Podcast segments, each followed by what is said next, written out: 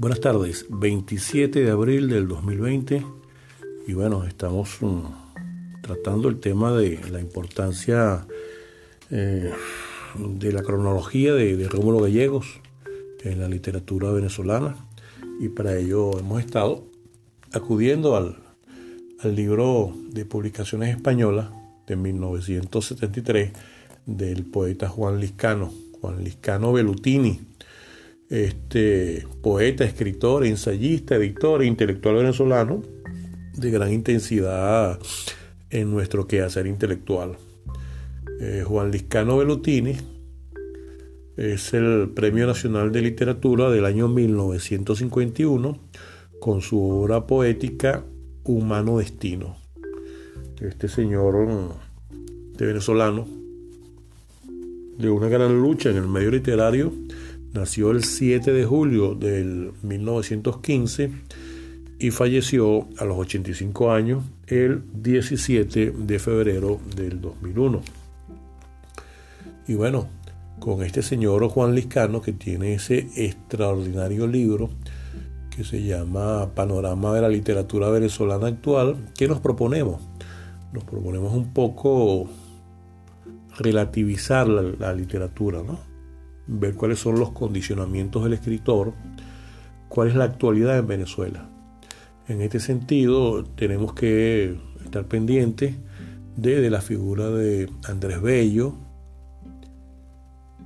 Simón Rodríguez, por decir una cosa, pero también tenemos que estudiar a José Rafael Pocaterra, Teresa de la Parra y Rómulo Gallego, que es el personaje que hemos tratado en estos dos últimos eh, programas. Y bueno, aquí hay toda una, una playa de, escritores venezolanos que hay, que hay que decir algo de ellos. Estamos hablando de Julio Garmendia, de Enrique Bernardo Núñez, de Carlos Eduardo Fría. Estamos hablando de Antonio Arraiz, de Arturo Croce, de Ramón Díaz Sánchez, de Julián Padrón, Miguel Otero Silva, Antonia Palacio, Guillermo Menéndez. Y bueno, hay un tercer tiempo donde indudablemente hay que hablar de Mariño Palacios, por ejemplo, de Antonio Marquesala, Osvaldo Trejo, eh, Oscar Guaramato, y bueno, hay una serie de personas que pertenecen a sus respectivos tiempos. Por ejemplo, no podemos dejar afuera a Adriano González León, Salvador Garmendia, José Vicente Abreu, Argenis Rodríguez. Hay una serie de, personas que han aportado a la literatura, a la narrativa, a la poesía venezolana, al análisis discursivo del tema de la palabra, de las letras, de la narrativa. Ahí tenemos también a Laura Antillano, Luis Brito García, Carlos Noguera, y bueno, cada época tiene, tiene un representante. Este, y bueno, José Antonio Ramos Sucre, por ejemplo, es un poeta impostergable que, tenemos que mencionar. También tenemos que mencionar a Carlos Augusto León, eh, Luis Castro, Miguel Otero Silva. No se nos puede escapar eh, cuando hay tanta producción de hombres y mujeres a este nivel nacional durante todo el siglo XIX y XX.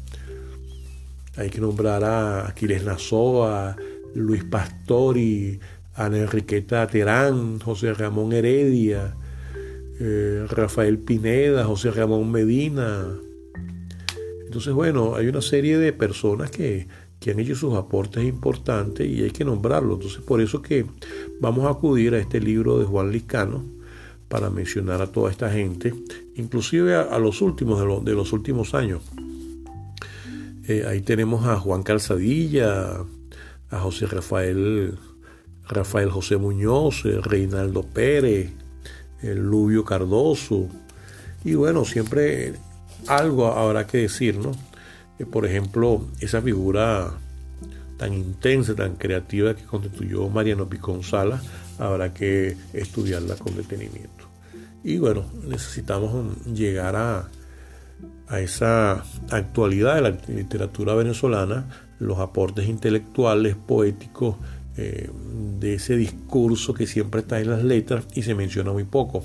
Ahí tenemos a, Pedro Gracese, Juan David García Vaca, Federico Riu, Antonio Pascual y Ángel Rosenblatt, eh, segundo Serrano Poncela, ¿no?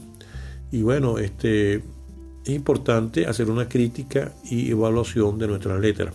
Por eso que el programa El Sardinazo, eh, yo no fui, pretende abordar estos personajes con pequeñas síntesis, pequeñas exposiciones, para que los lectores de las redes sociales se enteren de una manera directa, sencilla y amena de que estamos hablando de estudiar eh, el esfuerzo intelectual de hombres y mujeres a lo largo del siglo XIX, XX y del presente siglo, que han hecho aportes importantes para la literatura y la poesía. De eso se trata el programa.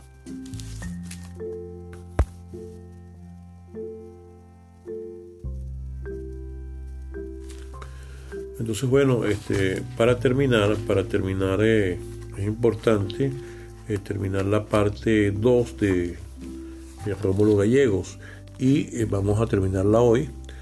decimos que para Rómulo Gallegos las constantes de su obra son el planteamiento repetido de la fuerza desorientada con su secuela del fracaso y del pecado contra el ideal, frutos amargos de la impaciencia y de la improvisación sin constancia, la idea del alma dormida con su corolario de la función redentora de despertarla. Puede ser el alma de pueblo como en Canta Claro o el alma individual como en Pobre Negro. Es la lucha entre la voluntad civilizadora y la resistencia regresiva, proyectada sobre campos individuales o colectivos, los conflictos provocados por los mestizajes, la descendencia ilegítima y los casamientos entre personas pertenecientes a grupos sociales mencionados, diferentes y contrapuestos. Los cinco temas se entrelazan desde los inicios mismos de su creación literaria como los gajos de la trepadora simbólica que cobijó los encuentros entre los aristócratas del Casal y los plebeyos Guariba. Las novelas de Gallego despertaron la conciencia de existir venezolano. En ellas quedaron plasmados tipos de nacionalidad y rasgos del carácter criollo. Al describir los conflictos sociales y psicológicos, elevados a veces a un plano de universalidad poderoso, iluminó valores emblemáticos de nuestra extensa geografía y de nuestra cultura.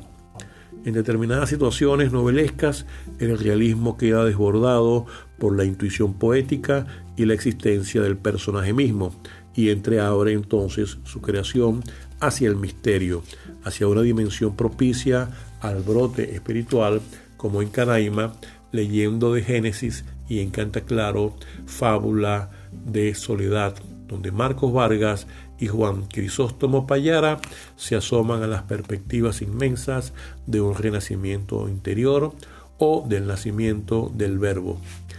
Es lo que expresa Piconzalas refiriéndose a Doña Bárbara cuando alude a una clave simbólica, un críptico más allá de la descripción de la naturaleza y el retrato de los personajes. El tiempo histórico en que transcurre su novelística, salvando alguna excepción como sobre la misma tierra, es el que procede a la edad del petróleo. Es el de una Venezuela agraria, pecuaria y feudal, de haciendas, caudillos y caballos. Muchos aspectos de su obra ya no tienen vigencia en un país transformado ahora en sociedad de consumo por el ingreso de la renta petrolera, con una población cuadriplicada en medio siglo, donde la hipertrofia humana cubrió de cemento valles y antiguas haciendas.